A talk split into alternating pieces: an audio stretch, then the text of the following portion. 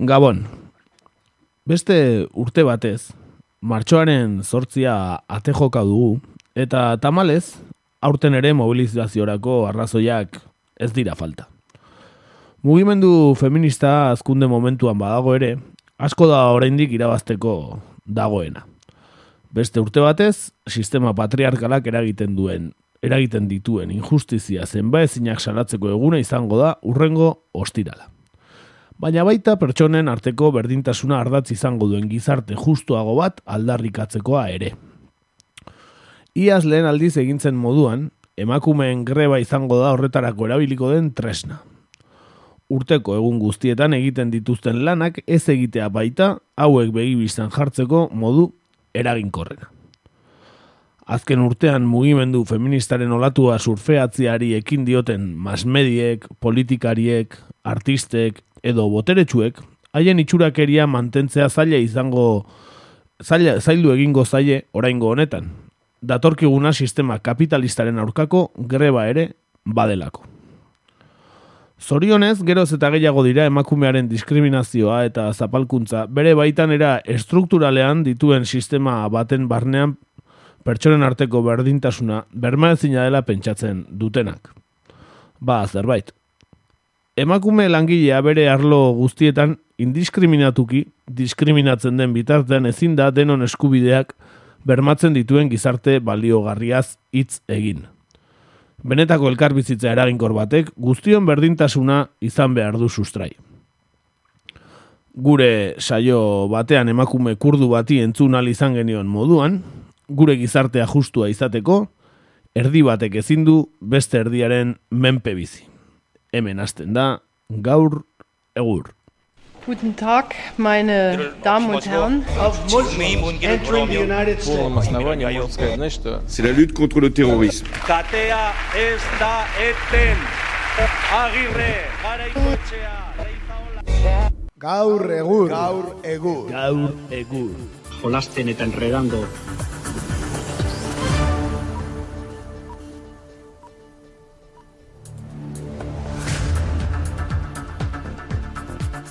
Beno, beno, ongi etorri entzule, ongi etorri zuei ere, Bai, kaixo, gabon den hori. Gabon guztioi. astelena da, arratsaldeko zortziak eta iru minutu, astelena martxoaren laua, e, karnabal edo inauteri astelena, eta hemen txe, ba, gu ez gera ez tolosara, ez beste inora joan, eta hemen txe gare, ba, urretxuko estudioetan, e, gogotxu, ba, beste irratsaio bikain bat hasiera emateko.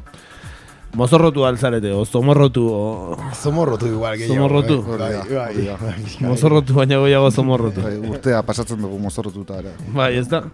Bueno, baino hala ere, hemen mikroaren aurrean karetak entzun dugu, eh? Boi, astelenero, astelenero. Ez da mozorrorik gaur egurren. Hori da. Ba, gaurkoan e, pentsatuko duzuen bezala ardatz e, feminismoa daukagu. Eta bai e, bertakoa, eta baita nazio artean ere, bueno, feminismoa eta gatazka politiko nazional baten uztarketa. Eta, bueno, ba, gogotsu gaude eta horlaxea ekingo diogu lehenik eta behin, bertan gaurren e, atalarekin.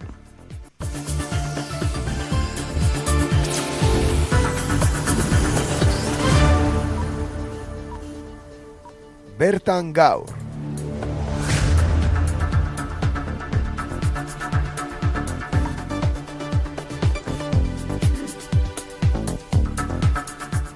Eta bertan gaur zer daukagu ba?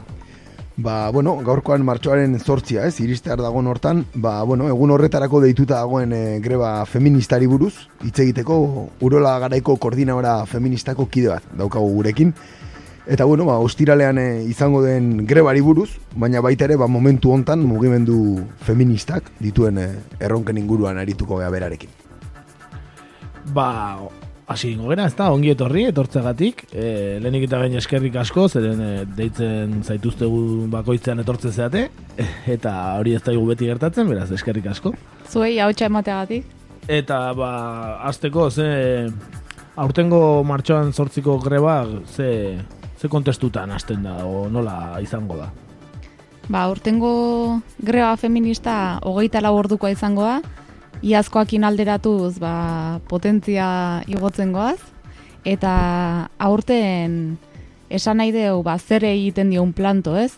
Iaz esaten genuen emakumeok planto, eta aurten gure leloa da heteropatriarkatu kapitalistari planto. Salatu nahi deu sistema dala esplotatzen gaituna, eta hoi nahi deu jaki, jarri jo puntun. E, esan duzu aurrera pauso badala, hogeta laborduko dala, gogoratzeko, memoria egiteko zenbat, zenbateko izan zen iazkoa.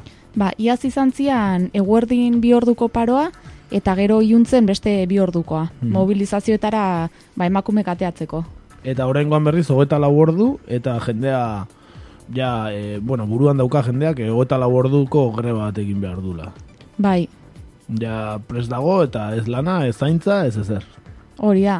Iaz bezala, planteamendua berdina da. Enplegu greba, emakume trans eta boiera guztiok ba, utziko dio lanakiteari, bai ordaindutakok eta bai ez ordaindutakok, eta urten hogeita lau orduz. Mhm. Izango da orduan, e, esan dezagun martxoak zazpiko gaueko amabitatik, ez? Hoi da, Martxoak sortziko gaueko amabitara. hoi da. Beraz, sua- salto kualitatiboa, ez? Kasu honetan nahiko importantea gaina. Bai, bai, honek ez du esan nahi greban, ba, balioa, ba, nahi deula aprobetsatu edo greba zukutu tresna bezala, eta ingo deunik urtez urte greba. Baino aurten bai ikusten zama nahiko indar bildu zala iaz, eta eta bai ikusten ziela baldintzak aurten hogeita lau orduko greba onta pasatzeko. Eta zeintzuk izango dira, ardatz nagusiak edo greba konbokatoria e, ontarako? Ba, greba hontan bereziki nahi dugu jarri zaintza erdigunen. Egongo dia bost ardatz, iazian lau, eta urten gehitzen da pensionistena, iazian baita enplegu greba, e, kontsumoana, ikasleena eta zaintzana. Eta urten, ba, oi, e, pensionistana gehitu da, ba, bai ikusi dalako ba, indarra hartu duen kolektibo badala, eta behaiek eskatuta, eta asamblean erabakizan ardatzau gehitzea eta gero zaintza erdigunen jartzeana, zeatikan aurten bai nahi diogu importantzia eman bizitza dala oinarria eta bizitza erdigunen jarri behar dala. Ordun zaintzan garrantzia azpimarratzea ba ezinbestekoa da. Vale, eta aurten kontsumo greba ere deitua dagoela kaleratu da, eta zergaitik salto hori. Ba, iaz ere planteatzen zen kontsumo grebana, baino egia da ez geniola garrantzia handia eman edo gero praktikan ez genula jakin nola gauzatu, ez? Da zan pixkat, ba, gizonak lan egiten duen leku batea orduan jundeiket, edo gizona baliman ez kontsumitu deiket, edo ez? Eta orduan nik uste, ba, iaztikan gauza batzuk pulitu inditeula. Eta hau da hoietako bat, igual nabarmenena, eta orduan e, kontsumo eta, osea, komertzio eta ostalaritza ba, eskatzen diguna da istea. Istea ba, goita lau ordu horietan, nahi deulako salatu kontsumo eredu hau. Gaur egungo kontsumo eredua ba, emakumeok baita zapaltzen gaituna. Eta horretarako ba, ba, eskatzen diogu implikazio komertziante eta hosteleroi. Ostiral bada, badakigu ba, zaila izango dala, badakigu ba, herri txikitako ba, merkatari eta ostalari egoera zein dan, bitartean ekin bildu ginen eta behaien kezkak mai gaineratu zizkiguten, baina uste dugu garrantzitsua dala baita ba, denok bat egitea eta horregatikan ba, deitzen diogu jendarteai, naiz eta ba, komertzio eta ostalari ba, bueno, ba, batiteko gaitasun hori ez izan, ba, ez kontsumitzea. E, bueno, salto kualitatibo bat bai orduan e, kontsumoaren greba hau gaineratzean, baita esan dezun bezala pentsionistekin, ikusten da, bueno, ba, ikas, gauza batzuk ikasi edo hausnartu dituzuela ieztik, eta, bueno, ba, esan dezu urtero ez dezuela greba egin nahi, baina behintzat aurrera pausoak eman, ez da, urtetik urtera, eta horregatik aldaketa hauek edo areagotzea hau greba hau, ez? Bai, bai, aurten ikusten genitun baldintza nahikoak zeudela, ba, bai, iazko mobilizazioak izan zialako oso arrakastatxuk, baita ere urten zehar mugimendu feminista indartzen jundalako, herritako asambladak ba, bai jundialako ba, emakumeko puru zaunditzen eta baita anistasun aldetik bai, eta gero ikusten deulako zurikeria morea deitu diogun fenomenoa, ez? Ba nola instituziok eta kapitala baidan morez mozorrotzen. eta horrei ba, aurreitea ezinbestekoa iruditzen zaigu, eta hortarako uste dugu garrantzitsua dela hogeita lau orduko greba bat itea. Eta kontsumo greba bat, ez da? Hori da. E, zeintzuk izango dira espezifikoki urretxu zumarran ingo diran ekimenak urrengo estiralean? Ba, egitarau oparoa daukeu, behatzitan hasiko gea kotxe karabana bat inez etxe berritikan, iruitze zaigulako ba, garrantzitsu edala ez bakarrikan herrin zentro, baizik eta baita pixkat periferiara ba, aldarrikapen hauek eramatea, eta baita ere ba, nahi diteulako ba, igual puntu konkretu batu, puntu konkretu batzu ba, ba, aldarrikatu azpimarratu. Gero amabitan emakatea ingo deu, emakume plazatikan, eta bukatuko deu Zumarragako plazan, arkatu, e, argazki masibo batekin. Eta argazki masibo hortan, ba, martxoak sortzia irudikatu nahi deu, eta mural erraldoi bat ingo deu, ba, emakumeo ba, gure ahotsa edo ba, idatziz jaso ezagun. Gero ordu biterditan, bazkaria ingo deu, emakumen etxea izango dan eraikinen, pago eta uzon, bakoitzak bere bazkaria eramanez, ba, ez izateko inor behartua egun hortan lanitea, edaria guk eramango deu, eta ondoren eukiko ditugu karaokea eta jolasak. Seietan, eukiko du kontzertu akustikoa Gernika plazan, usu eta inoa plagaro eta harriraetan eskutikan, eta zazpitan kazerola da manifa, ba, iazkoakin alderatutan ediolako zara eta pixkat gehiu erantzi. Eta horrekin bukatuko genuke ba, greba feministaren egitaraua, baino ez aldarrikapenak. Ez da gutxi, eh? Neko esan dakoa bai, egitara oparoa dara eta eta egun osoa kubritzeko, desde luego. Bai, eta ospakizun tarte bat edo, bueno, bago aixialdi momentu bat, baino aldarrikapena da nagusi, ezta? Eta, eta, ea, ba, dana e, mobilizatzen den eta isten diren dendak eta tabernak ikusiko dugu. Ostira lontan izango da, beraz. Hoi da. Ez daukagu asko itxin beharrik ikusteko, ea, erantzuna. Iezko, baino handiagoa da, iezko handia izan zen, ia handiagoa dan. bai. E, bueno, hori grebaren inguruan, bai, beti bezala ba, akizu zure edo zuen presentzia hemen aprobetsatzen dugula, ez, gaiari ba, bere osotasunen heltzeko, bai. E, momentu hontan, e, mugimendu feministan erronkak zeintzuk direla uste duzue, bai herrian edo bai orokorrean, bai. Ba, alde batetikan aipatu duten zurikeria moreana, iruditzen zaigu, ba, iazko olatu horren aurren, instituziok eta kapitala haidiela aprobetsatzen gure aldarrikapenetaz apropiatu nahi diela behaien ba, itxurara moldatzeko, ez? Eta hor badaukagu erronka potolo bat. Zeatikan guk bilatzen deuna da instituzioak behaien ardura hartzea, uste deu bizitzak erdigunen jartzeko, ulertu behar deula denok gehala dependientek, denok behar ditugula zaintzak, eta denon ardura dala hoiei ba, kolektiboki erantzuna ematea, eta hortako instituziok ba, apokin hau behar dute, behaien zatie. Eta ordun hoi saiesteko bai dia ba, morez mozorrotzen, ez?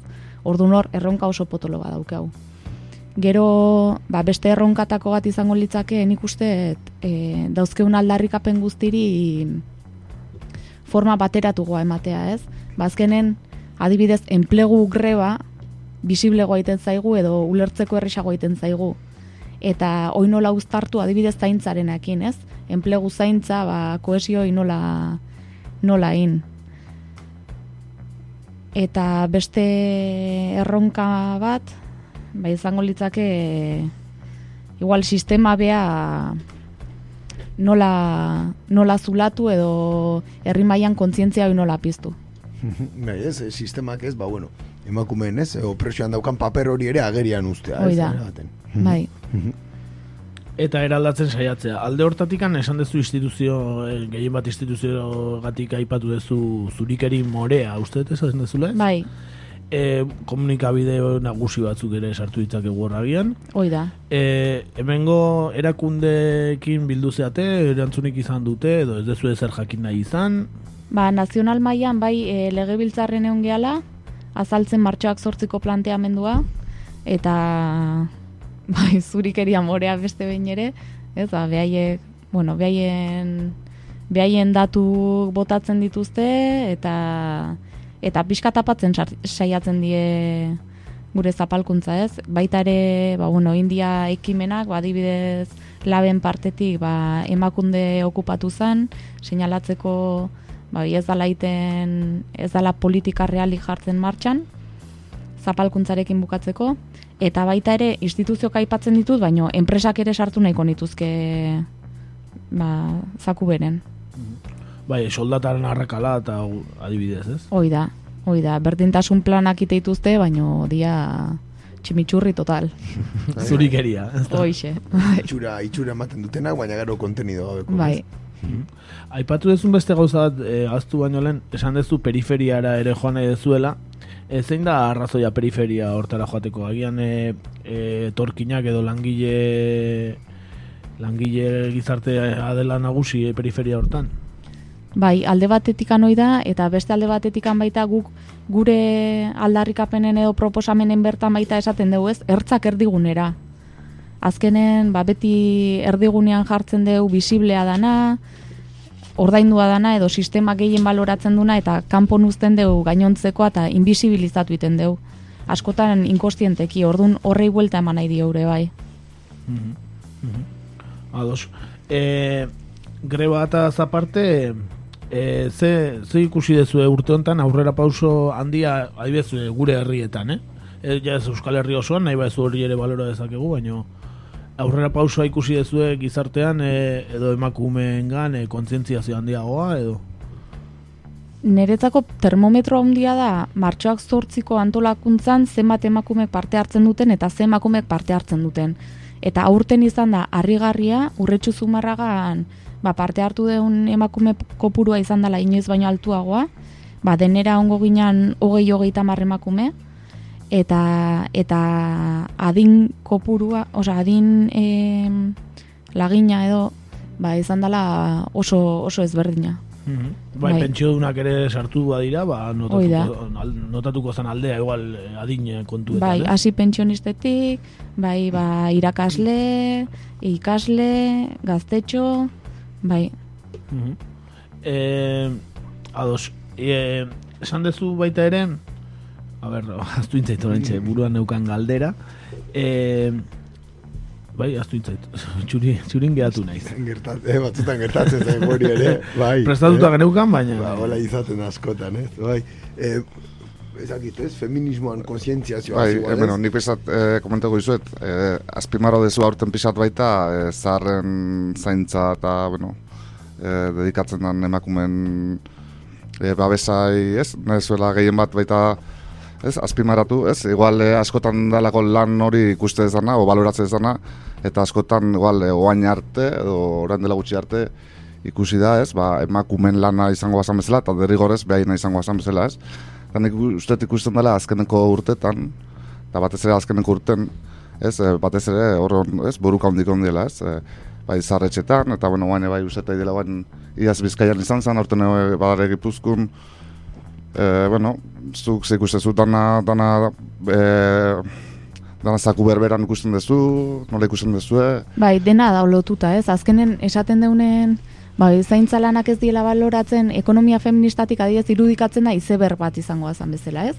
Ordun izeberran, ba, uran gainetik, izeberran puntan lieke ordaintzen dien lanak. Eta gero, uran azpitik daude ordaintzen ez dienak, edo edo ez dienak baloratzen, iten dialako maitasunan truke, ez? Ta askotan daude familiakin lotuta. Ordun hor kokatzen dira zaintza lan hoiek, baina hoiek ezinbesteko die sostengatzeko uran gaineti daun guzti hoi, ez? Horregatik iruditzen zaigu ezinbesteko diela, eta esaten dugu baita produktibok diela lan hoiek. Eta de hecho adibidez, e, produktu, barne produktu gordinan euneko geita amabia die, zaintza lanak ordaindu, ordaintzen ez dienak. Eta gero daude ordaindutako zaintza lan hoiek, baino ez dauzketenak gainontzeko langilenen eskubide berdinak. Eta iruditzen zaigu hoi bukatu barra daula eta eta gainontzeko langileen eskubide berdinak euki behar dituztela. Bai. Eta de hecho badao konbenio bat e, nazioartekoa, baino estatuk ez dutena ratifikatzen zentzu hortan, da orduan, osea, utzikeria politikoa da kristona, eta gero baita ere, ba, ikusten dugu jendarten ez daula kontzientziazio maila bat, ze onartu bezala egiten dugu, ba, ikusten dugu ez, e, etxeko langileen egoera batzutan, dala ia esklabutzazkoa, eta onartu egiten dugu. Mm, Baita, erakund, erakunden aldetatik bai, pixkat ez, hori ikusten da baita ez. E, adibidez, e, zaharren egoitzan asunton, e, garbi ikusi da ez, zenekin lerrokatu dien erakundek eta ze borukain behar izan duten, ba, soldatat duin bat, eta kondizio duin minimo batzuk lortzeko ez. Bai, bai, eta Gipuzkoan, oendikan helduen egoitzetan burrukan daude. Bai, bai, bai, hori da. Eta, eta pixat honekin jarraituz baita, e, e, lehen esan du baita pentsiodunak eta largunak noski ez. E, nik pentsatet e, hoien egoera dela guandikan ez dugoa ez. E, pensionistana egoera zaila balizme da, ba, e, pensionista alargunena, ba, zailagoa ez. Zadik igual, e, askok bizitza guztien lan nahi due, bueno, ez du auki aukeraik ez kotizatzeko eta zuk esan duzu bezala baizen da e, ordaindu gabeko lan hori, ez? Eta gero gelditzen dira ba erabat egoera oso pobrean, ez? E, adibidez, beti izaten da, ez? E, txirotasurenaren e, argazki ego dala emakumea edadekoa eta alarguna, ez? Eta ezagit, e, pixkan nahi dezue hor e, baita gehiago ezagit burruka o Bai. hori azaleatea, o ezagit nola esan. Bai, azkenen emakume hauen lana ez da itortzen, ez da baloratzen, eta, eta ba, oi, bizitza guztia lanen pasatzen du nahi, ba, ez bizitza duin bateako eskubidea bermatzen, eta iruditzen zaigu horrei buelta eman bartzaiola. Egia da, emakume askok bizitza guztia lanen pasata ere, badibez, igual ez daukete ez da jubilatzeko eskubidea, ez? Eta gizonezkoen kasun ez da gertatzen. Ba, ordaindutako lanak behai esleitu zaizkielako, eta eta azkenen ba, kapitalak nahi dulako emakumeen esplotazioan kontua beraztu. Bai, bai, eta hori, bueno, hori ikuset gaina betiko eztabaida izan dela, ez? Zaik, lehen aipa duzu baita erre, erreprodukzion, ez? Uh, asunto hori, ez? Hori baita beti betiko eztabaida izan da. Zatik baita da beste lan bat, e, debaldeko lan bat, ez? Eta, bueno, eta, e, karo, beharrezkoa dana, eta, bueno, eta gaina e, kapitalak eta industriak behar dona baita, ez? Eta Bai. ez dakit e, horri buruz bai, e, zoz, e, Bai, adibidez, e, aurrekon ordizin eman genuen itzaldi baten, komentatzen genuen, ba, nola adibidez, emakumeen e, zaintza eta etxeko lanak eta enpleguko lana batzen malin baditeu denboran, emakume okiten deu e, ordu bete gehiago lan egunen. Eta orduan, hoi aste beteko konputon izango litzeke jornada bat gehiago, ez? Asten jornada bat gehiago. Eta horrek, ba, nola esan nahi duen, emakumeok ba, bermatzen deula bizit, bizitza e, eina hundigo baten. Baina horrek baduke bere kontrapartida. Eta da, ba, demora gutxigo daukeula guretzako, gure ongizate fisikoa eta emozionala ba, baita mer, mermatuko daudela, eta eta horrek dakarriztan ba, ondorio guztik. E, gogoratu naiz lehen txurin geratu naiz, baina gogoratu naiz.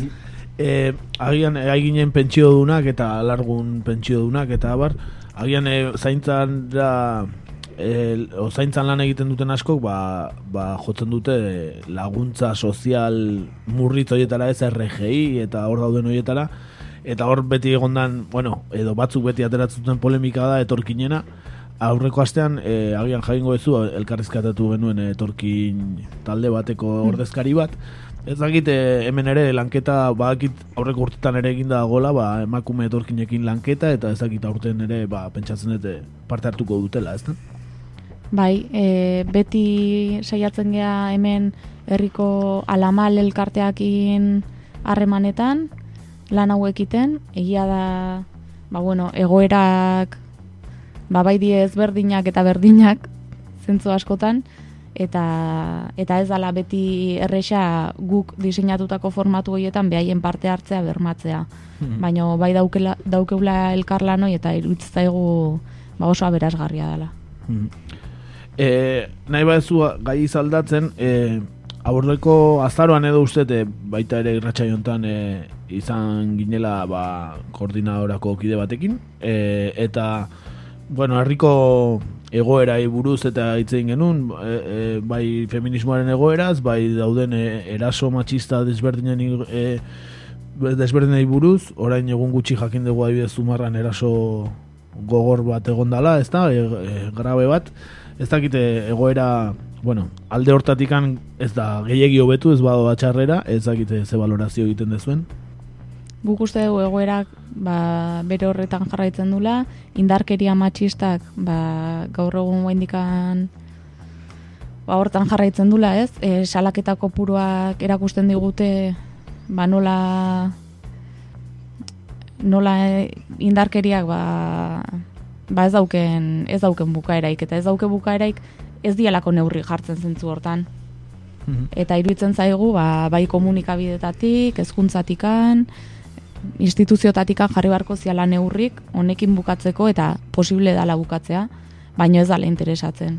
Azkenen zapalkuntza hoi bermatzeko ba, violentziak asko laguntzen dulako. Bai, eta sisteman errotuta dolako edo sistema bera dalako e, matxista edo e, patriarkala ez da. Hori da. E, sistema irauli behar da orduan, e, dudari gabe. Hala ere, e, ez dakite, ze valorazio azken eraso hauek e, nahiko gogorrak izan dira, adibidez, alde batetik, e, bai komunikabidetan, bai justizia berak e, indarkeri, genero indarkeri bezala e, tratatzen du, ez? Ez da, indarkeri matxista bezala ez, ez dute aipatzen, ez da? Bai, bai, eta horre dauke arazo handi bat dala indarkeria asko gehatzen diela kanpo. Adibidez, ba, adin txikiko edo gaztetxoen ba, parke bateko eraso bat, ba, ez litzeke konsideratuko genero indarkeria bezala. Bai, lehen gaina esatu zen, e, violentzia domestika, ez? Ja, hori, maten du hori aldatu dutela, behintzat, ez? Piskat, aurrera pauso txiki bat eman dutela, hain genero esaten dute, baina hori indikan ez dute aipatzen, e, be, ba hori, ez, e, violentzia matxista modura. Bai, guk deitzen diogu injustizia patriarkala, iruditzen zaigulako ba ez dula, ez dula funtzionatzen. Baino irauli beharko litzekela justizi sistema guztia. Guk ez dugu eskatzen ez da erasotzaiek ba, betiako kartzelan usteltzea. Ez, uste dugu justizia beste mota bateko justizia izan bardula eta izan, izan bardula justiziarik eta kolektibo bat. Ba, Horregia da ere ez, komentatzen zenuen arira involuzio bat ere gertatu dela, ez? E, adibidez, ez? Ba, bueno, eskuin muturreko alderdiekin, ez?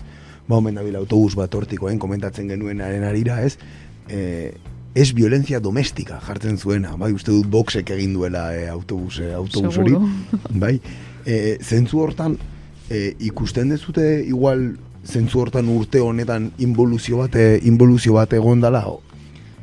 Involuzioa baino nik uste muro bat jarri nahi dutela edo ez, behaiek behaiena babestu nahi dutela, ba ikusten due nola mugimendu feminista indartzen nahi da, da orduan behaiek sistema patriarkala indartu barra dukete bai edo bai.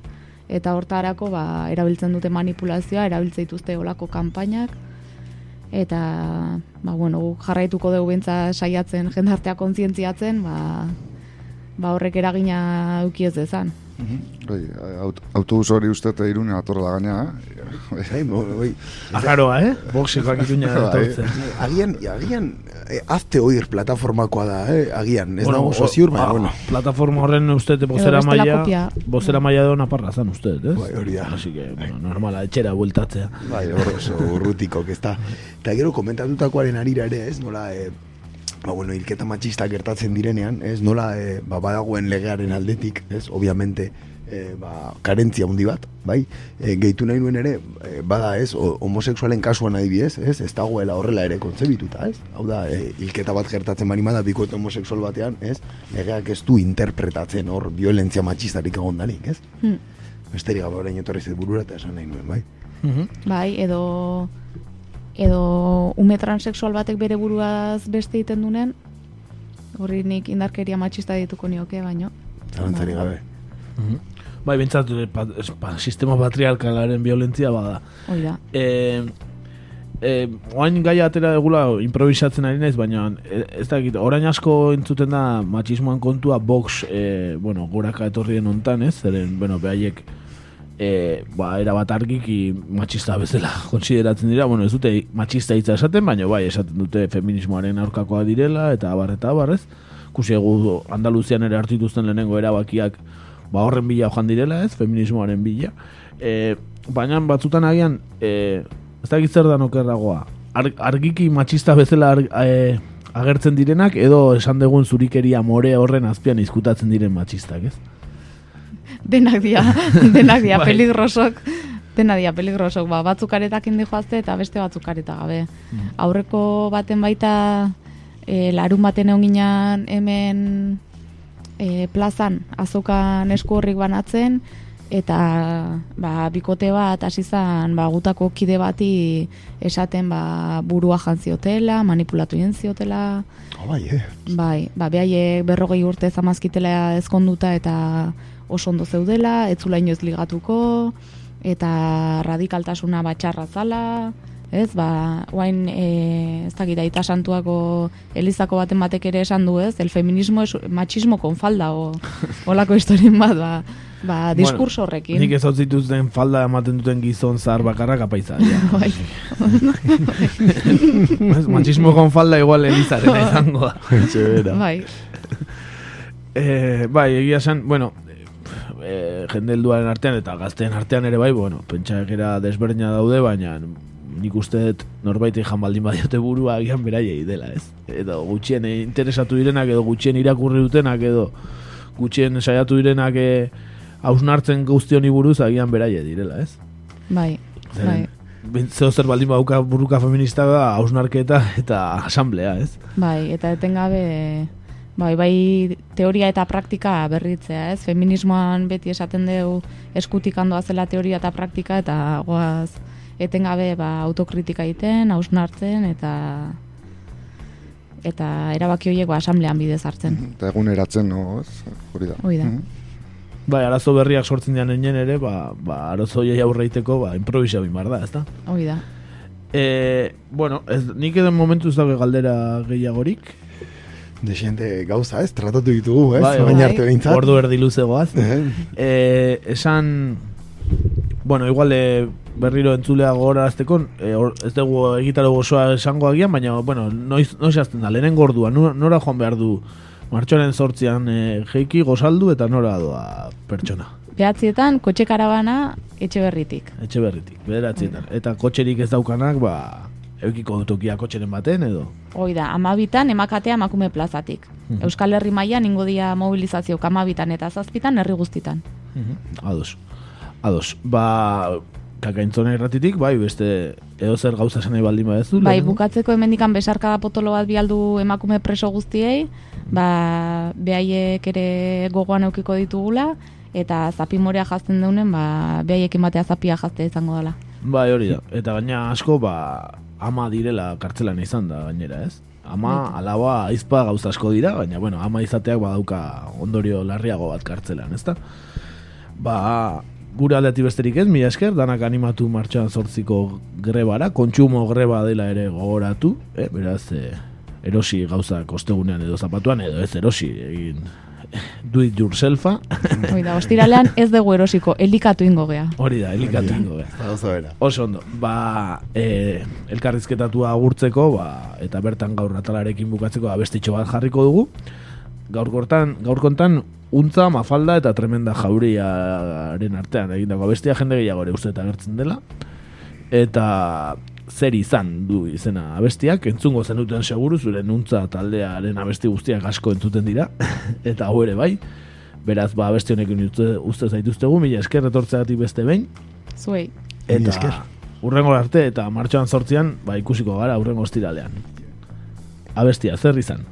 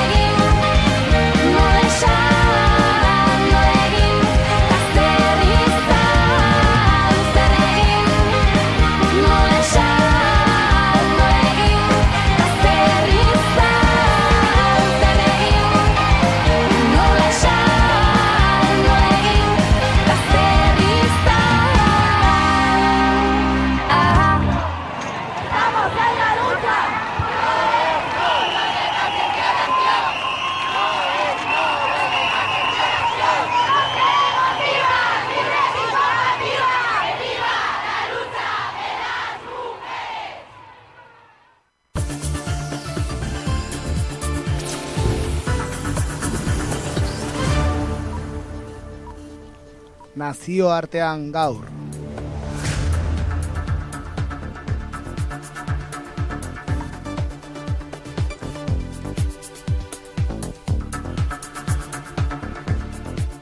Beno, eh, elkarrizketatua agurtu dugu eta nazioartean ba ba, bas, askotan joaten geran herrialde batera guaz, edo bueno, bintzate be baina goiotan eh, joan garena eta ba feminismoak eh, ba, garrantzi importantea daukana, ezta? Eh, bere bere eguneroko burrukan, eh, izan ere kurdistanera goaz, eta kasu honetan ba, emakume batzuk hasi duten goze greba zehazki bat izan da protagonista. E, izan ere 2018ko azaroren sortzitik ba, ez du jaten leila guben legebiltzarkide kurduak. E, mundua bestaldera be- batera begira dagoen bitartean ba, goze greban egun, eguneko langaia e, ba, pasatu zuen orain e, aste batzuk eta Atzetik beste lareun kurdu baino gehiago bat egin dute ba, protesta honekin. Eta eskaera bat eta bakarra dute, ez? E, Abdala Okalan buruzagi presoaren hogei urteko isolamendua amaitzea. Eta hori lortu arte ez dutela gehiago jango diote. Bai, esan bezala kurduek bero, hasi dute 2000 eta emeretzi garen urtea. E, Bobby Sands eta beste bederatzi gozek grebalari Irlandarrek, espetxean bizitza galdu zutenetik, laster berrogei urte beteko direnean, Leila Guben izeneko politikari eta ekintzaiak borroka molde bera hautatu du okalanen isolamendua amaitzea helburu. Euskal Herrian bere izena oso ezaguna ez bada ere, berrogeita magost urteko emakume honek feminismoari eta herri kurduaren aldeko borrokari eman dio bizia. Eta emakume azken mugimenduko, e, TJA siglez ezagutzen den mugimendua, kide da, ez? Eta ilegalizazioen ostean sortutako KCD alderdi kurdu abertzaleko presidentea ere bada. Beste kide batekin kargua partekatuz. Bai. Kukuk dikili herriko alkate izan zen 2004 eta 2009 bitartean, eta Biranxeir herrikoa 2008 arte. Turkiako legebiltzarkide hautatu zuten ondoren HDP koalizio eskertiarren izenean, eta ba, plaza zaila kurduentzat inondik ere e, ba, bere herri hori. Bai. Eta Turkiako armadak Siriaren menpe dagoen Afrin eskualde kurduan egin zuen inbazioa kritikatzeagatik 2018ko urtarriaren hogeita bian, behin-behinean atxilotu zuten. Erakunde terrorista gidatu eta babestea, egotzita hogeita amaika. Urte eta erdiko espetxe zigorra dauka jokoan. Azaloaren amazazpian, gozegrebari ekin zion nazioarteko elkartasun presioa tarteko, urte honetak urtaren hogeita bostean askatu zuten, baraualdiaren irurogeita emeretzigarren egunean. Eta bere eskaera bete ez zutenez, etxean protestarekin jarraitzen zuela jakinarazi zuen. Largoita mezortzi garren egunean, larri eraman zuten ospitalera. Eta bertan, medikatua izateari uko egin zion.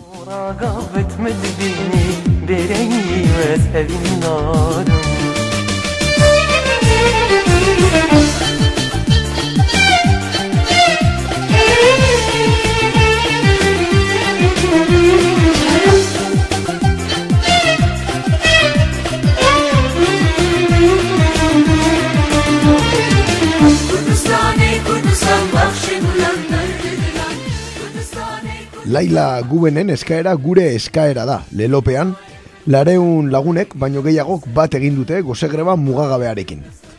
Iraken menpeko ego kurdistanen, Nasir Jagiz izeneko gazteak bi aste geroago hasi zuen baraualdia, eta lehenak egun egun bete zituenean, honek larogeita zazpi egin zituen.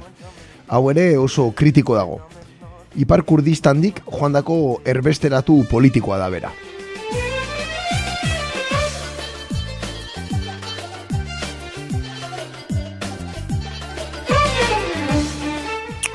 Honez gain hainbat herrialdetako kideek osatutako nazioarteko bake delegazioak adierazi du PKK eta PJAK erakundetako irureun damairu preso politikok ere gubenek hasitako bideari ekin diotela Kurdistan eta Turkiako espetxeetan. Irurogei egunetik gora daramatzate hauek goze greban. Eta Kurdistango emakume talde ugarik ere goze greba abiatu du.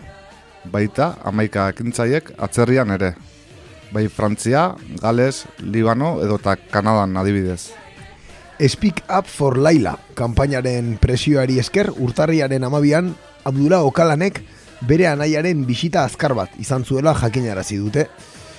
Lehen bisita izan da bi urtean. Ezoiko baldintzetan, lotua eta indarrean dagoen bisita prozeuretatik kanpo. Turkiako gobernuak gubenen erresistentzia apurtu nahi du. Hala ere, okalan ez dute isolamendu egoratik atera. Grose, goze grebalariek gobernuaren planak agerian jarri eta garaitu egin dituzte. Erresistentzia zabaldu zadera zituten.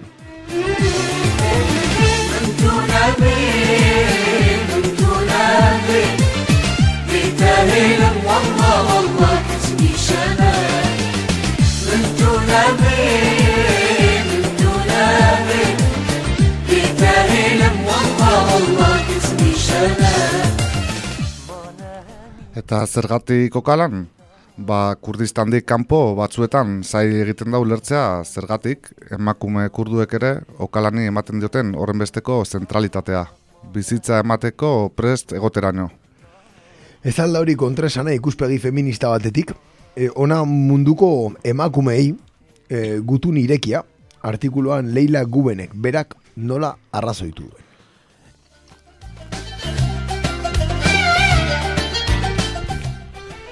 Emakume kurdua naiz. Emakumeen aurkako injustiziari buruzko nire kontzientzia okalan jaunari esker garatu dut. Berak emakumeen askapenaren aldeko borrokari eman dion garrantziari esker, milioika emakumek borondate indartsua garatu dugu. Esnatze gixako bat bizi izan genuen, eta ni emakume horietako bat naiz. Ikasi nuen nire generoarekin bakean bizitzen, pentsaera patriarkala borrokatzen, eta feminista izaten. Okalan jaunaren gandik ikasi genuen gizartea soilik izango dela libre, emakumeak libre direnean. Ordutik urte luzeetan emakumeen askatasunaren alde egin dut borroka eta hala jarraituko dut.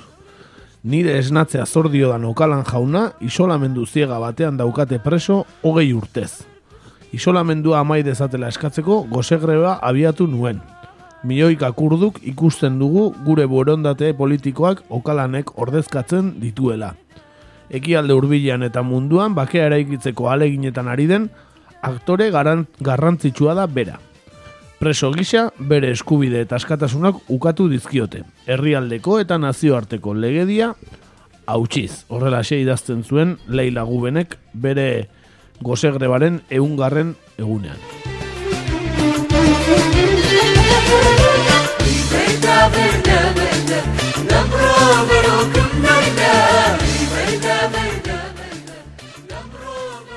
Eta aipatu bezala, otxaiaren amabostean, egun egun bete zituen gozegreban gubenek, eta egun hartan, hogei urte bete ziren, mila behatzen da lergoita meretzian, okalan, APO ez izenez, Kenian atxilotu zutela, hainbat herrialdetako inteligentzia zerbitzuek elkarrekin egindako operazioan. Bai, hasiera batean eriotzera kondenatua, ondoren bizi osoko espetxe zigorra ezarri zioten.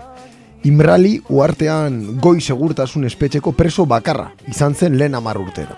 Azken urteetan ez zuen inork lortu berarekin harremanetan jartzea.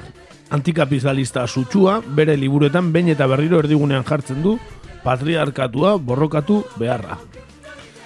Eta nola amaituko da kontua, lehen iotza maiganean jarriz gero, mugituko alda Erdoganen Turkiako estatua? Zein edaki?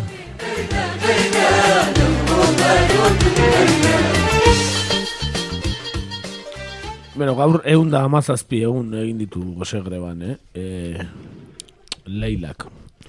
Bueno, e, benetan kurdistango egoera ulertezina eta benetan e, guzti horretan barnean ba okalanen e, kartzela zigor eta isolamendu bortitza, ez? E, hogei urtez eta lehenengo irla batean bera bakarrik kartzela bakarrean eta ordutikan hobera egin ez duen e, egoera.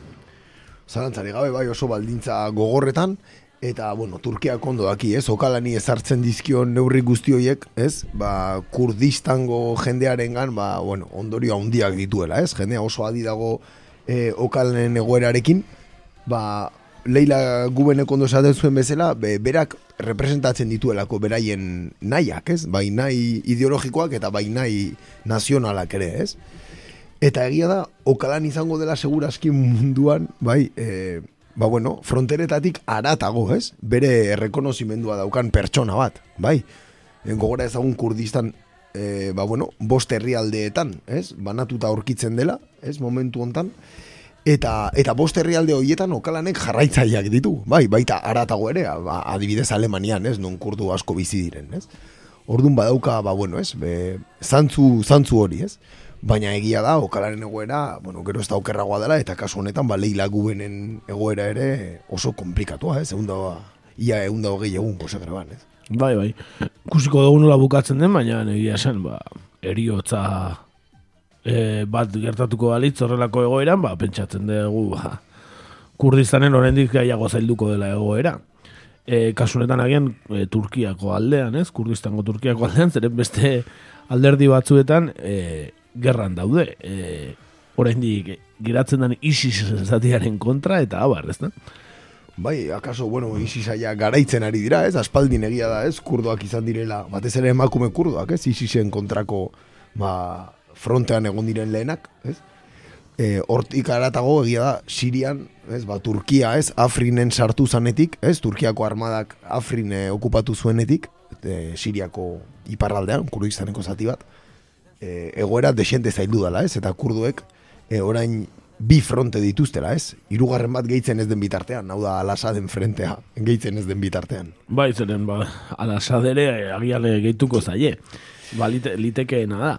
Esan bezala, benetan, e, erreferentzia bat dira feminismoan ere, ez? E, bueno, gero famatuak egin ziren, e, bueno, erreportai, argazki erreportai pilo bat, ez? E, emakume gerrilariak, eta bueno, mas media batzuk erabili duten e, irudia ere ba pixkat kritikagarria bada baina egia esan e, bueno okalan izan da ba albidetu, albidetu dunetako bat ba kurdistan bezalako herri baten bilakaera eta hainbeste emakume gerrilletan IPG-etan e, sartzea ez?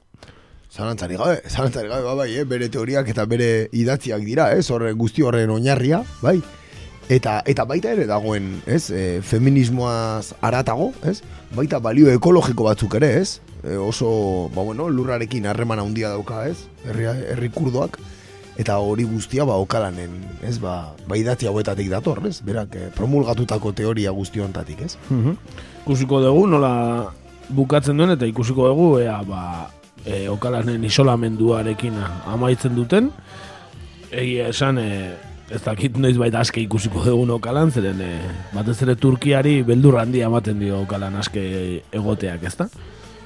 Hombre, badituzte arrazoiak, ez? E, beldur hori eukitzeko. Egia da ere, badaukatela, e, ba bueno, ezinbestekoa den faktore bat beraien alde, turkoek, eta da, Europar batasunak eta oroar, ez, komunidade internazionalak, ba, okalanen egoeraren inguruan daukan isiltasun hori, ez? Bai, komu, adibidez, komunikabide ofizialek edo komunikabide handiek, ez dute txitik ere komentatzen, eh? Bat, Sikera atxiloketa garaitik, eh, gogora ezagun Kenian e, baitua izan zela, okalan Kenian zegoen, e, baitu egin zuten, bai? Eta, eta bueno, ba, Turkian amaitu zuen espetxe batean, eta inork bere garaian ere ez zuen salatu prozedura hori, bai? Eta beste garai batzu eta zari gara, eh? beste modu baten esan da, e, terrorismoaren kontrako garaien aurretik hitz egiten ari gara. bai, e, 2000 eta bat aurretik, vamos.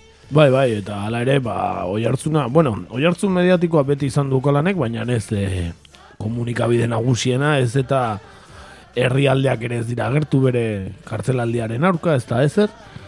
Baina, bueno, egia esan munduko preso famaturetako bada, hala ere, eh? E, danok eh, entzut dugu noiz baitez, hau dula okalaren izena. eta zeo zergatik izango da. Ba, gabe, bai, bai. Eta gero, bueno, bada ere ez kantia de kontu bat, ez gogora ezagun laro gehi milioi kurdo inguru daudela munduan, bai?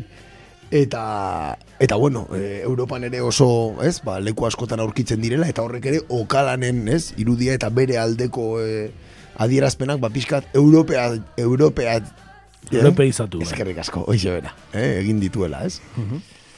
Bueno, ba, adi-adi jarraituko diogu Turkiako kontuari eta ikusiko dugu ba, lai lagun banen e, goze greba honek e, nola amaitzen duen eta gogoratu beste lareun pertsonak bat egin dutela beraiekin eta atzetik goze grebalari gehiago daudela, naiz eta bera izan asten lehena.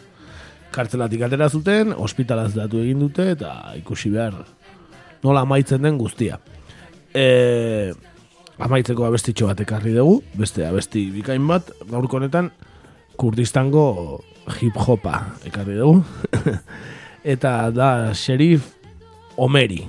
E, da e, raperoa eta bere abesti bat entzungo dugu Bankin Azadi. Eta hemen txe, Sheriff Omeriren abestia.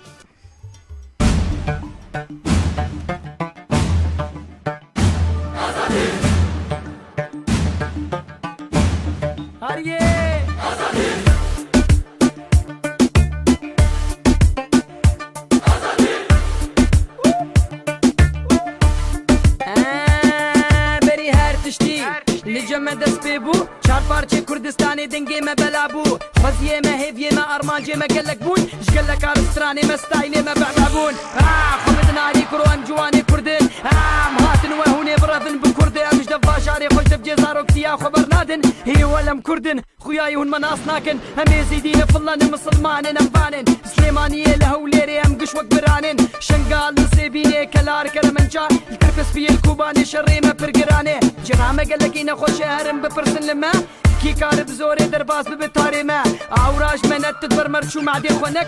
اندي ننها خودي بمرنا بنحنك. خودنا علي مهاتن ومي بيجن وين شهر بارتي كردستاني مي باكن وين خورتي زاخد هوكي ورين دفما بهبر راب باكن شبو ما في خوا باكن باكن باكن باكن باكن. باكن باكن باكن باكن باكن باكن.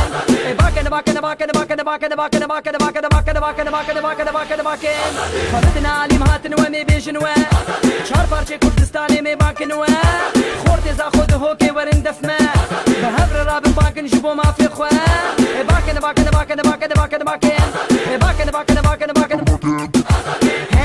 بنرنم چه داتین سر دیواری خواه چیروک بین گل شرن خوبو کانا خواه انفال ده هزار و چار قامشلو لهو رمانی ام بان دکن بو ما في خواه لزا خود دهوکی خوشکن کچکی ما سلیمانی و عمود زیرکن خورده ما اج تارا غربی مه تارا میرایه گلک هاتن کشتن و خوین تدرجیایه سبهاوی بارا بفتون الهم و تارا ایریشی متکن بتانکا بغازه و دارا.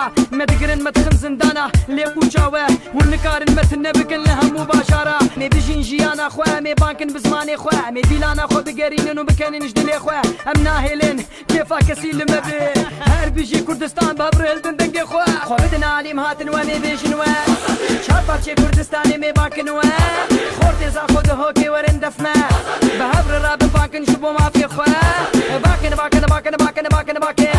باكن باكن باكن باكن باكن باكن.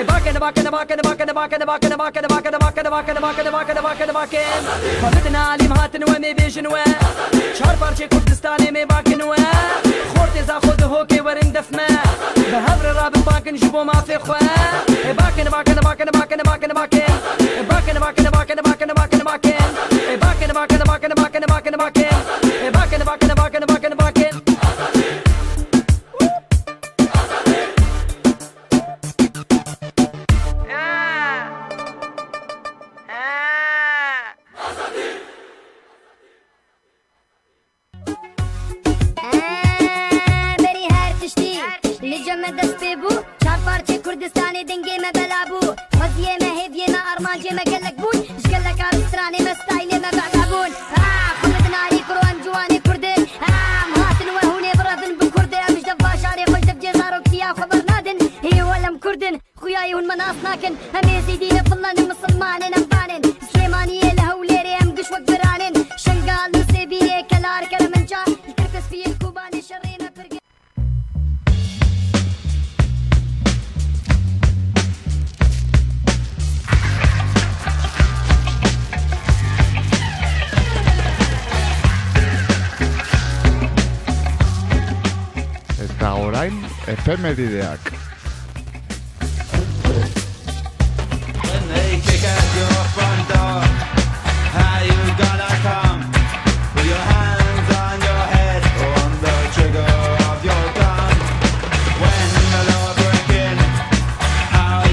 go?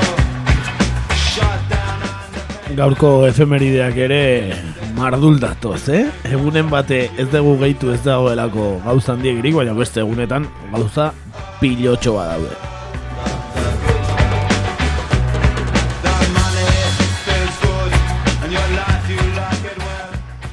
Bueno, azteko eta ben, mila bederatzen dago eta joango gara, martxoaren lehenengo egunera, eta egun hartan Luis Companys Bartzelonara itzuli zen general, generalitatearen kargu egiteko. Bai, egun berean, bai, mila bederatzireun da laro gehieta mabian, Bosnia Herzegovinak independentzia lortu zuen. Bai, otango interbezio ura eta guzti hori da gero. 2000 eta amaikan, martxoaren batean, Shabaz Bati gutxiengoen ministro Pakistandarra erail zuten.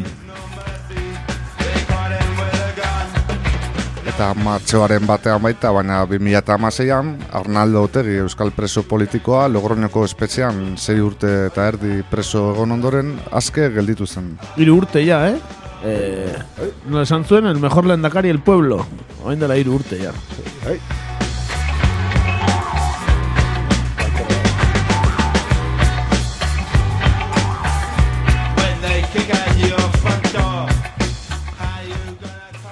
Martxoaren bian, e, izan ere ba, aurreko larun batean, e, egun urte bete ziren, Moskun hirugarren internazionala eratu zela Leninen e, deituta, ez Lenin, Leninek deituta. Kixe bera.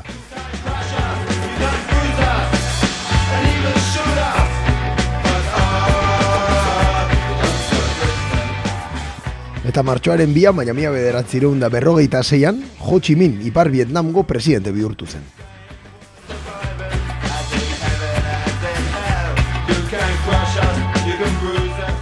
Eta egun berean, baina mila beratzen da lergoita marran, Nelson Mandela, Afrikako Kongresu Nazionaleko presidente izendatu zuten.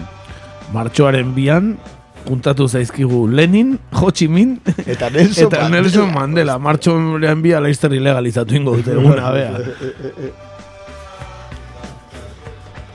E, martxoaren irua ere ezaguna zaigu inguru hauetan, baina lehenik eta behin aipatu dezagun e, Florida, hogeita zazpigarren estatu bihurtu zela, mila zortzireun eta berrogeita bostean martxoaren iruan.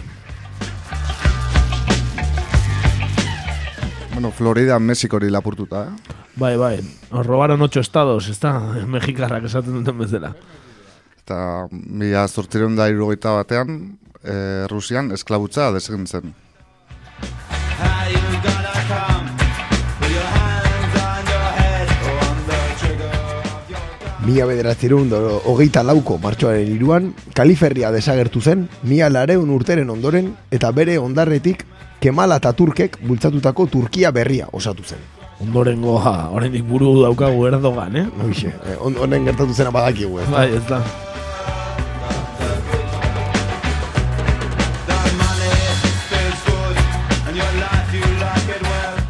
Eta martxoaren irua, ba, gure herrian zeo zergatik bada ezaguna, ba, gazteizko martxoan iruko sarraskiegatik da.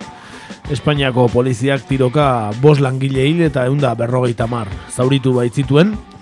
Gazteizko San Francisco Elizan ikasle eta langile bilkula bat galarazteko. Manuel Fraga zen gobernazio ministro eta ba, inungo erruduntasunik gabe hiltzen ja orain urte batzuk Manuel Fraga.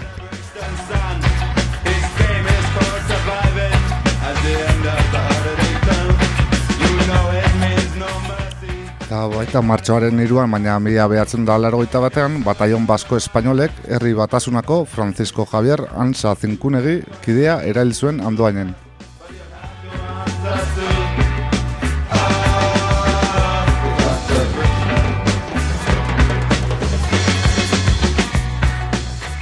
Martxoaren iruan ere, laro gehi garren urtean, Espainian agindako hauteskunde orokorretan Jose Maria Aznarrek, gidatutako alderdi popularrak garaipena lortu zuen. Jose Maria Aznar Espainiako presidentea eta urren urtean efemeride hauetan agertuko zaiun Xavier Arzaiusekin e, ituna egin zuena eta eskua ematen e, argazki famatua Xavier Arzaius eta Jose Maria Aznar.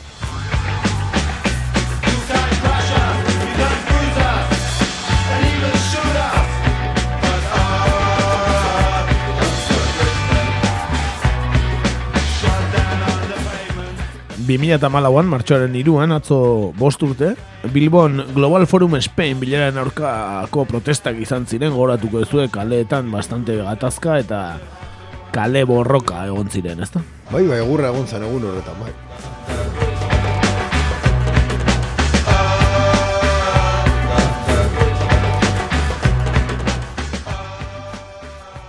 Eta martxoaren lauean, baina mila zazpireun da larogeita marran, Frantziaren banaketa administratiboa gertatu zen larogeita mairu departamenduetan. Eta hortaz, Bearno, Lapurdi, Nafarroa bera eta Zuberoaren bateratzea, Pirineo Atlantikoak sortzeko. Gaur egun da, ez emat, berreun da, hogeita behatzi urte. Bere hortan jarraitzen du, de hecho, banaketa ma Bai, administratiba. naiz ez? eta orain eh, herri, nola, herri departamentua ez, herri... Elkargoa, ez? Herri elkargoa bai, sortu den iparraldean, hala ere oraindik behar norekin batera, ba, Pirineo Atlantikoak osatzen dituzte.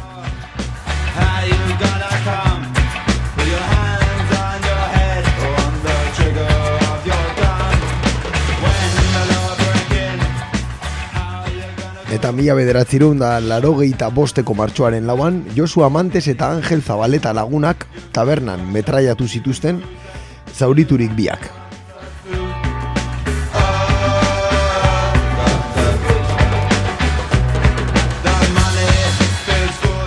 Gaurko egunez, mila batzeun da laro malauean, gazteizen izatezko bikoteen Espainiako lehen errolda ofizialaren irekiera izan zen, hau da, heterosexual eta homosexualen errolden irekiera. Parejas de hecho, bezala ere ezagunak.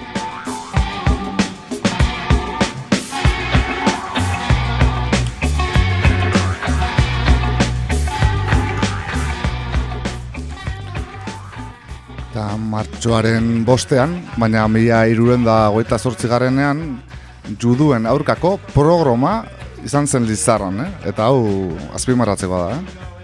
Lizarran juduen kontra, eh? ja pasa dira, ia zazpireun urte, baina azpimarratzeko hau, bai. Hemen ere judutarrak ie, ba, ies egin behar izan zutela, ez da? Bai, Hitler baino seiren urte lehenago. Eh?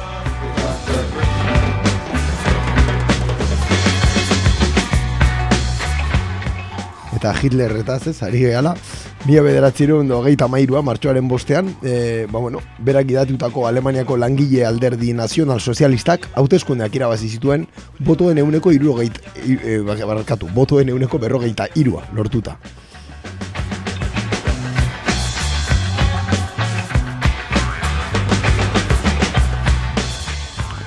Mila bederatzen da hogeita mazazpian, martxoaren bostean, matxitxakoko itxas gudua gertatu zen, gerra zibilan edo eta masiko gerraren barnean, Eusko itxas gudarosteako ontziak eta Kanarias gerra ontzi altxatuaren artean.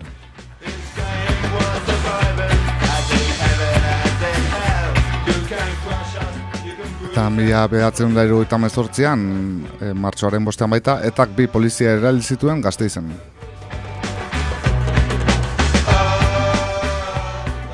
Justu urte bete ondoren, etak Agustin Muñoz Vázquez generala erail zuen Madrilen. Martxoaren seian, mila batzen da larogeita zortzian, Flavius operazioa edo eta Gibraltarreko hilketak bezala ezaguna gertatu zen, Gibraltarren Britainiako zerbitzu berezietako SAS edo parakaidistak ezaguna den eh, soldaduek, San Savage, Daniel Makanan eta Myril Farrell irakideak, irako kideak tirokatu zituzten Gibraltarren. Esan bezala, ba, Flavius operazionen barnean, ez? Hiru irako kide Gibraltarren erailak.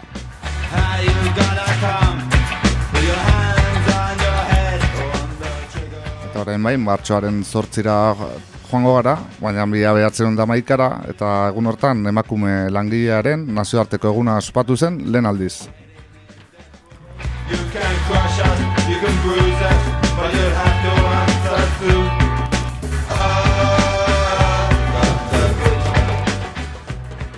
Martxoaren zortzian ere, baina mila bederatzireun da mazazpigarren urtean, emakumeek greba egin zuten Errusian ogia eta bakea eskatuz. Paripaz.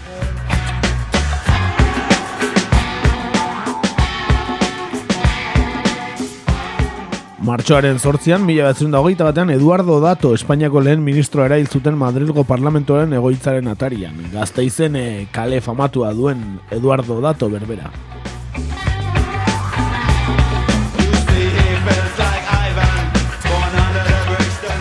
Eta mila behatzen da irugaita mazazpian, Euskal Herrian lehen aldiz ospatu zen emakume langilearen nazioarteko eguna, Bilbon hain zuten ere.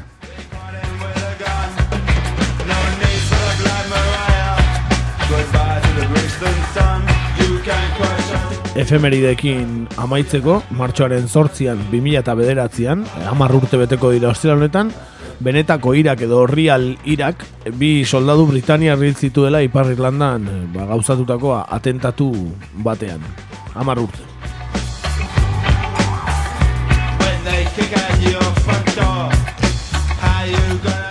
Latzak efemeridea gaurkoan ere, eh? Bai, bai. Jo, denetarik, eh? Bai, bai, aste Eta bai, eta nola ez, historia errepikatzen den, errepikatzen den gauza oso antzekoekin, eh? Bai, bai, behin baino gehiagotan. Ia data berberetan, de hecho. Bai, Bai, e, bueno, urrengo urtean e, efemeridetan Xabier Arzaiusen eriotza sartu beharko dugu.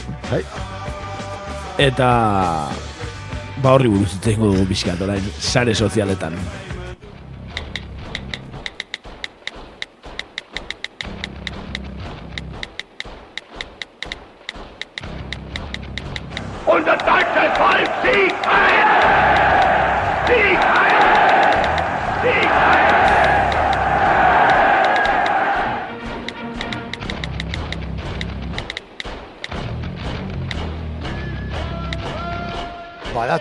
SSA. Sare sozialetan egur.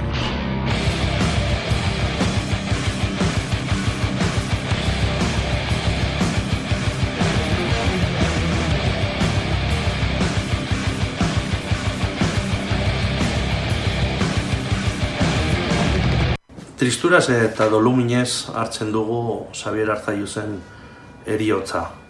Xabier Arzaiuz antxindari bat izan zen arlo guztietan. Jurista fina, politiko azkarra, baina abertzale erraldoia. Abertzale eta jeltzale erraldoia. Aintzindari izan zen, dana eman zuen Euskadiren alde eta alderdiren alde, eta guk e, egin dezakegun omendaldirik onena da bere bidea jarraitzea. Ba hortxe, e, gaur egungo Euskadi buru batzarreko presidentea ba, urte luzez bere postuan egon dena agurtzen, ezta? Eta ondo esan duen bezala, Euskadirentzako eta alderdiarentzako egin zuen lan. Agian bigarrena gehiago.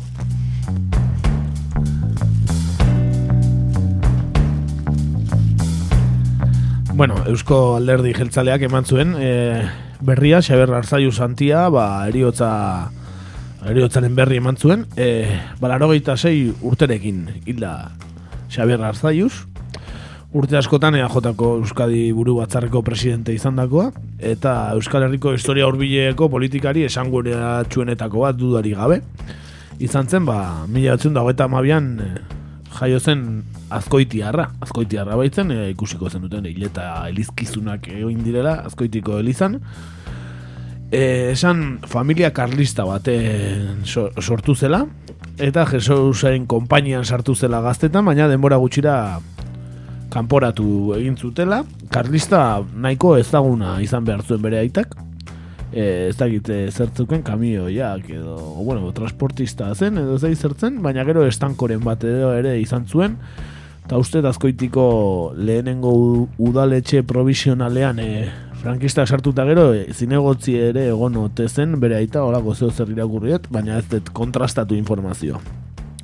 Beraz, familia karlista sutsu batetik zetorren, baina bera mila batzen da laro eta bederatzean afiliatu zen alderdi jeltzalean eta klandestinitatean ek, e, ekin zion karrera politikoari. E, Franco hiltzenerako, ba, ja da EAJ kargu garrantzitsuak zituen eta entzun dezagun, ba, protagonista bera EAJ-ari buruz hitz egiten. El PNV siempre ha estado con los pies en la tierra.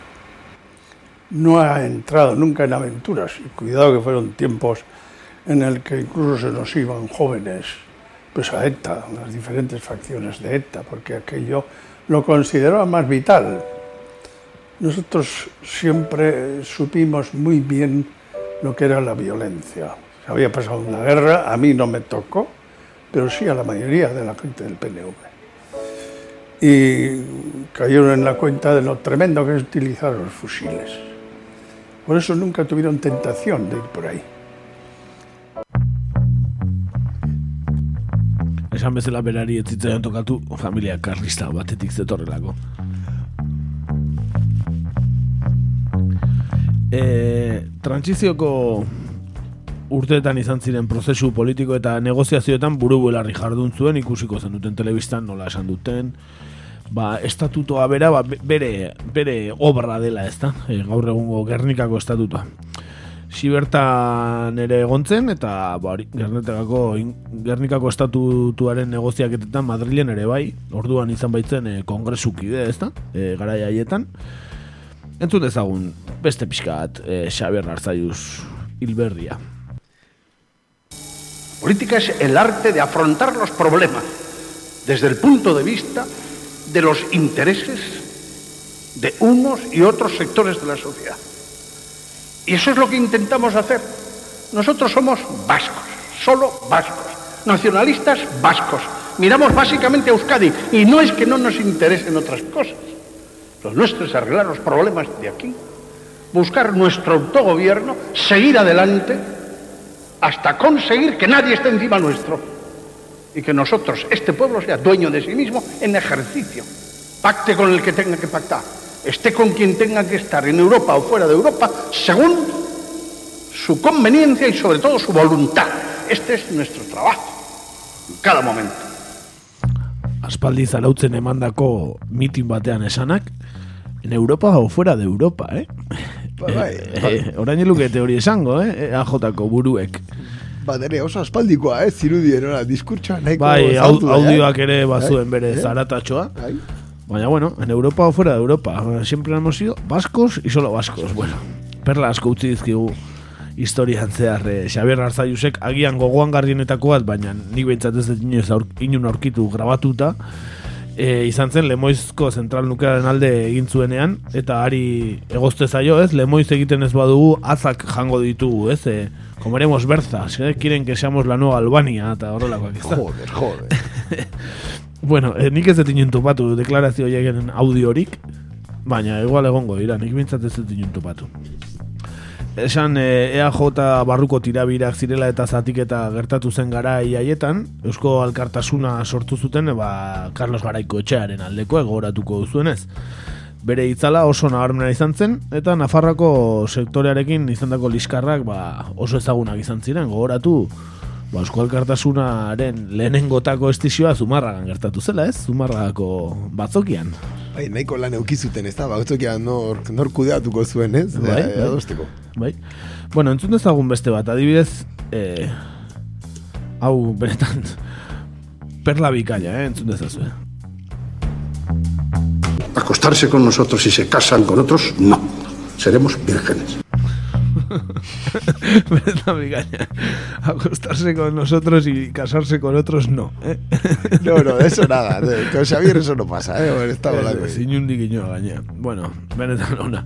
Edo beste bat ere, bai, eh? Eske, egia zen, eh, perla handiak uste zituen, eh? Gero, bakoitza eukiko du bere pertsonaia buruzko iritzia, baina deklarazioetan perla handiak uste zituela hori objetiboki esan daiteke. Ez da? Bai, bai, nahiko polemista zan, ez da? Bai, adibidez, beste hau ere bai. No nos tiraremos al monte, pero tampoco vamos a estar así, ¿eh? Como lelos. Como lelos.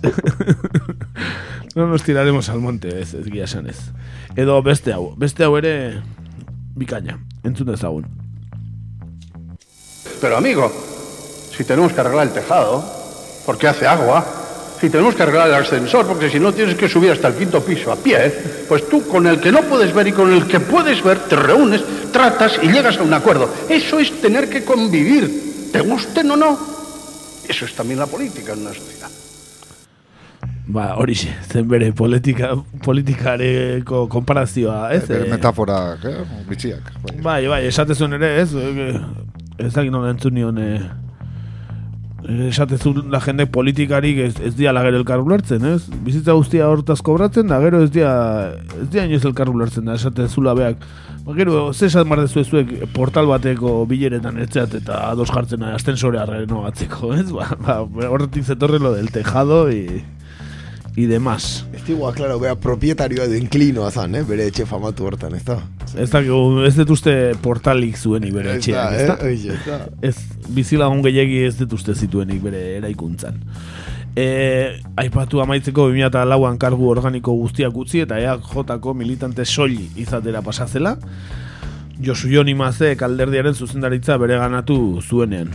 Ni ohituta nago Madrildik Xabier Arzailuzen aurka aritzera. Eta azkenean ikusi du nire alderdietik ere, zenbait jende nire aurka aritu dela. Zeintzuk traba egiten diedan batzuk, esan zuen 2004an.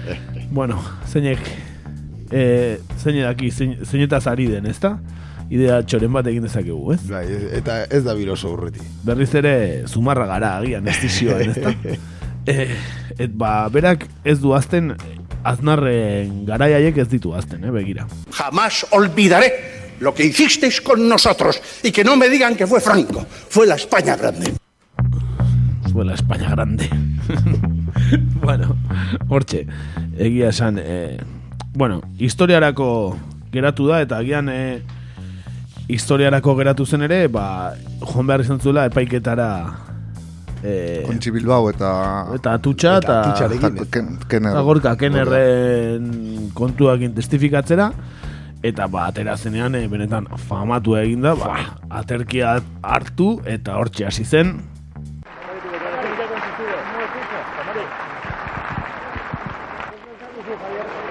Eusko gudariak gara.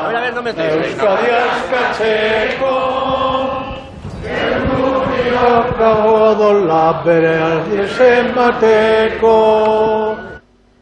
Bat entzun da menditon torrean Goazen gudariak aurkikurrinen atzean. Gora Euskadi askatuta! Hortxe, Xavier. Hey, highlights, eh? Ostra, Highlights total, tope. eh? Karlistaren semea eusko dudariak abesten denontzat. Bai, Eh? e, zalantza badaukat, ez dakit e, nork eredatuko duen egun hartako aterkia, baina benetan en museoko pieza bat izan daiteke, eh? Egun hortan eusko udariak abestu zuen aterki horrekin. Bai, bai, bai, benetan. Historiara pasatu da. Historiara era bat pasatu da. Azkeneko bere highlighta izan daiteke agian, Bai, ezta? bai, bai. Eh, bueno, benetan ba, asko manduela hitz egiteko Xaber Arzaiusenak eta ez dugu inorren txi horik eta ekarri zenen, bueno, komentarioak daude pilo bat, bai Espainiar fascismo sutxutikan hasita eta bere ba, hainbestetan errepikatu dute fascistek eh, unos agitan el árbol y otros recogen las nueces, ezta? Ba, hori ez dugu ekarri, baina hori askota, askotan aipatu da, asteburu hontan Twitterren. E, esan ba, larumo eta txaldean azkoitin egin zirela elizkizunak, eta besteak beste, ba, negontzen EAJ-ko zuzendaritza, ez? Andoni Hortuzar presidentea buruz dutela, baina baita inigo urkullu lehendakaria ere, baita sailburu jeltzaleak ere. Haiekin batera iritsi ziren adibidez generalitateko Mikel Butx, e, barne kontseilaria edo Eduard Puyol, Junts per Kataluniako kidea eta ba Puyolen semea, ez? Elizkizunean izan ziren alaber Usue Barkos Nafarrako lehendakaria, Gipuzkoa eta Bizkaiako aldun nagusiak, Donostia eta Bilbo eta Gazteizko alkateak, EH Bildutik Arnaldo Otegi, PSeko Idoia Mendia, EAko Peio Urizar, Alduguko Roberto Uriarte, RCko Gabriel Rufian, PDKTeko Marta Pascal, eta beste hainbeste. Esan gizarte zibileko ordezkari desberdinak ere zirela, adibidez, gure eskudagoko Angelo Jarbide edo Pedro Etxenike zu- zientzialaria eta EAJ-ko sailburu izan zena, Bai, ez da? Eusko Jaurlaritzako sailburu bai. Hori da. E, bueno, ba, doluminak atera azaldu dizkie askok, EH Bilduk, e, Ciudadanos Euskadik, harri, harrigarria izan zela, PSEek, Pablo Iglesiasek ere, Podemoseko Pablo Iglesiasek, ba, bueno, bastante gur jaso du Espainia aldean e, doluminak azaltzeagatik Arzaiusen Arzaiusekiko, egia esan, e, eske Espainian e, asko horretatzen zuten. Arzaius, bai, eh, bai, egurra bai. eman diote asko, Bai, eh, bai, asko, asko. Asko batu dizioten, egia da, asko Bai. ematen zioten, e, merezizuna baino gehiago ematen zioten, de hecho. Bai, bueno, oso etxaitza zuten. E, gogora, bueno, ba, Arnaldo Tegi gauxe esan zuen adibidez, e, ba, belatoki kanpoan, ez? E, La, larun bagoizean, edo ostira altxaldean, eh, seguru. Eta horrela xe aipatu zuen. Bueno, gaur eh, Euskal Herria Bilduko delegaritza bat etorri da tanatoriora Xabier Arzaiusen familiarekin egotera. Atzo esan nuen bezala, guretzat ohore bat da Xabier Arzaius bidelagun izatea edo izan dela historian zehar. Niretzat partikularki lagun bat duten zait. Bere garaian kartzelara bisita egin ziana, beti ere oso errespetu handiarekin tratatu nauena, eta nik uste dut e, bueno, Xabierrei buruz zer esan daitez, ez? Abertzale handi bat izan dela, bere garaian sekulako eztabaidak eduki genituen, ezberdintasuna, baina gauza guzti horien gainetik guretako bazen, Euskal Herritarra, Euskal Abertzalea, Euskal Independentista bat, eta lehen aipatu dudan bezala niretzat ohore bat izan dela bide lagun izatea, eta familiari hori esan dut, niretzat ohore bat izan dela, eta gutako bat bezala naukala Xabier Arzaius eta errespetu handiarekin agurtu egin dut. Decía brevemente que Beno, eh. Lo, loraldi bikaina. eh? Bai, bai, bai, kriston loreak, eh? Egia esan, eh, ez dakit... Eh, ezkerra bertaleko militante historiko bat hiltzen dean ere, o inbesteko loreak botatzen dizkion, eh? Fl- Floristeri osora, eh, eraman dute. eh. El jardín de Floristeri Edén. osoa. Uh, el jardín de Edén, bai, bai. Eh. Bai, bai, egia esan... Hostia, hitz makalak, eh? Lagun handi bat joan zait esaten du, eh? eh abertzale handi bat, guretako bat, bueno, ezkerra abertzalearekin Arzaiusek gatazka handiak izan ditu, eh? Historikoki, eh? Horrela hitz egiteko. Uste dut ezkerra abertzale inguruan ere denei etzaiela gehiagin gustatu eh, hitz hauek entzutea, ez? Arrazoiak badaude behintzat, ez? Badirudi, ez? Eh, Bai. Hemeroteka begiratuta, eh?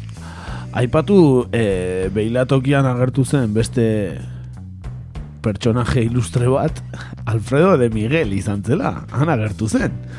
E, egia, berda, eroa, eh? Alfredo de Miguel han agertu zen. Ene ba. Eta zergatik ote, ba, ez dakigu, baina agian e, Arzaiusen semea, de Miguel hauzian auzipetuta egontzelako izan daiteke. Piskat, e, ikertzen egon gara, ea, zein diren Xaber Arzaiusen semea alabak, zeren nik enituen ezagutzen.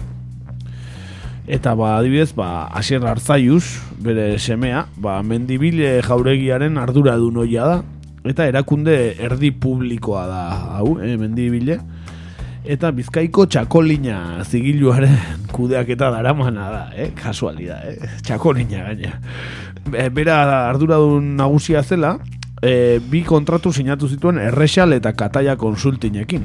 Eundalaro gehi mila euro denera. Bi enpresa hauek de Maigel auziaren oinarrian daude, eta orduan hasiera batean hasier gartzaiuz ba, auzipetu egin zuten.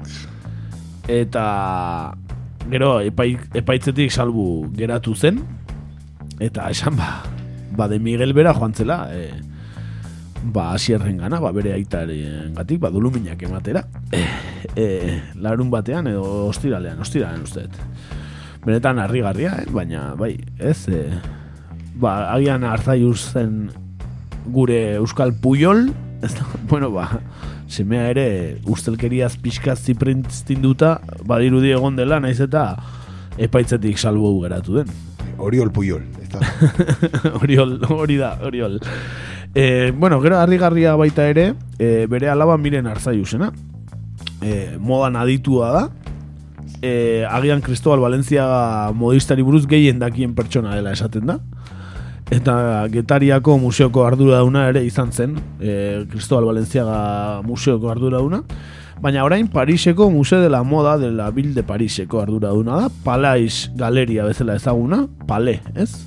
Galeria eza, bezala ezaguna. Eta munduko moda elementu gehien dituen museoa eta garrantzitsuenetarikoa da museo hau. Eta bera da arduraduna, lehenengo arduradun ez frantsesa gainera. Ostras. Miren Arzaius, eh, Arzaiusen alaba. Beste alaba bat ere bazuen, uso Arzaius, eta hau ba, informatika bidetikan joan zen, dirudienez, zeren Panda Security enpresako apoderatua da 2008etik, Panda Antivirus programa ezaguna sortu zuen enpresa, eta Bilbon eta Madriden egoitzak dituena, eh? Zen, bueno, Puyolen seme eta asko entzun dugu, baina, bueno, Arzaiusenak nik enitun ezagutzen, enekien zein ziren ere, ba... Haze panda, eh? Bai, panda, kutsi panda, gaina. bueno, ba, guri pentsatu dugu, agian e, Arzaius izan daitekela azkena markaotako euskal politikaldi garrantzitsuena, baina guk e, uste dugunak ez du gehiagin porta, beraz, Twitter bidez zuei galdetuko dizuegu. Ba horixe, ea zein den zuen ustez amarka, az, azkena markaetako euskal politikariri garrantzitsuena, gu jarri ditugu Xabier Arzaius, Argala, Enriqueta Benito edo Carlos Goroiko etxea. Argita garbik guk Enriqueta Benito ikusten dugu. Dudik ez izan, dudik ez izan. Baina, bueno, guri gu, zuen iritzia da inporta zaiguna, beraz, hemen txedoa, txioa eta zazpi egun dituzue erantzuteko. Aipatu aurreko asteko txioan e, euneko laro eta behatziak esan duela gezur handiagoa dela 23Fko bertsio ofiziala ondarribiko zuge gorria baino. Hala ere, euneko amaikak zuge gorria eskatu dio, eh? Batek batek, bai. Infor, informazio eh, katek lan ona egin zuten seinale. Eh? Hori da. Agian guk ez ditugun elementuak barajatzen ditu ere, izan daiteke. Bueno, ba, zer esan, ba, garai bat bukatzen dela Xabier Arzaiusen eriotzarekin, ez? Agian, eh? Autonomiaren sorrerako PNV horren garaia, eta orain ja, ba, alderdian agintzen duen belaunaldia, bea, beste belaunaldi bada, ez? E, Arzaiusen garaitik, e, ja, urrundu dena, eta politikoki ez dakit urrundu den, baina, bueno, bintzat, e, Bai, eta, eta bueno, eh, adibidez eh, atzo ba, Arzaiusen inguruko albistak eta pisat irakurtzen Imanol Muruak zutabe batean idazten zuen berrian adibidez ez. Beak nola pertsonalki ezagutu zuen bere aita diputatu Mhm. izan zen garaian eta Eta, bueno, eh, esaten du, nola azkeneko elkarrizketa batean, Arzaiusekin e, berak pertsonalki egin zuen azkeneko elkarrizketan be, berriarentzako uste dut, o argiarentzako nahu ziur. Eta nola esan zuen Arzaiusek oso kezkatuta zegoela gaur egungo EAJaren Buruzagitzarekin. bai, bai. Arrazoiak bazituen, kezkatuta egoteko, ez da? Eh, ba, Bai, bote eritxi dira, lehen nola esatu zuen, los jobubis, ez? Los jóvenes burkides bizkainos edo, ez? Hola gozeo zer, zian los jobubis, ur, urkuiu eta hortu zartzirean oitako bi, eta biak gaude EAJaren agintaritzan, ez da? Bai. E, bai Gipuzkoako agintariek indarra handia galdu dutela EAJan azken garaietan, eta bueno, normala agian e, ba, kezkatuta egotea Xaber Arzaius. Baina, bueno, esan bezala, aterkien garaia bukatzen da hemen, ez da? Bai, bai, aterkien garaia ba, eta EAJ-tik e, ba, horrelako adirazpen esanguratsuena ere, bai, ez? Zeren, bueno, orain eh, lehendakariaren eh, adirazpenak entzun da, ba, ia logure gehiago ematen du beste ezer baino, ez da? Esan ezagun oratoria maila pixkat jeitsi egin dela, ez? zentzu Bai, egia esan, bai. Egia esan, e, Arzaiusek e, bere jesuita garaitikan e, ba, Elizako oratoria honenak e, ondo ikasi zituen, eta urkullu apaizari dirudien arren oratorian ez zuen gehiagi ikasi, ez? Suspenso, oratorian suspenso ikusten. Bueno, ba, gure aldetik besterik ez, azkenean gaur ere ordu terditik pasa garela, ja, ordu batak eta hogeita amai, bederatziak eta hogeita amabi dira, ia ordu eta hogeita amabi egon gara. Beraz, ba, ez errez, e, mi esker horreteagatik entzule, gustatuko zitzaizuelakoan, ba, datorren astean ere hemen egongo gara. Zalantzari gabe eta bitarte magaiztok izan. Hori da. Abestitxo bat ekarri dugu, Unama taldearena, ona iduzki xuria, atera berri den abestitxo bat, iparraldetik, ba, abesti berri bat jartzeagatik, eta besterik gabe, ba, aurrengo astean ikusiko gara. Ondo izan. Horrego arte.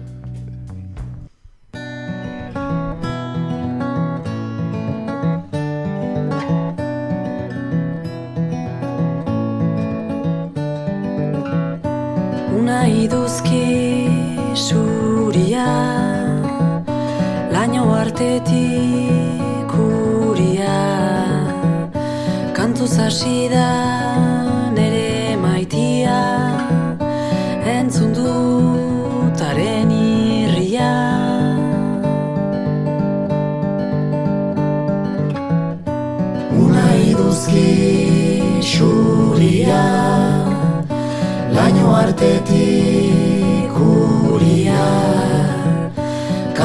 Kantuz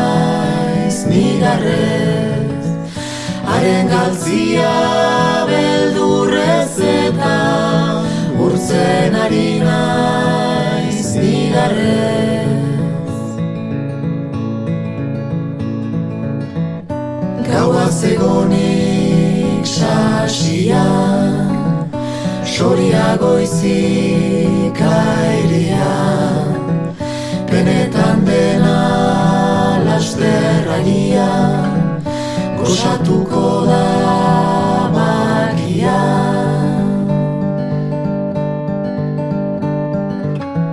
Gozatuko da bakian eta Sartuko zorionan Gozatuko da bakian eta Sartuko zoriona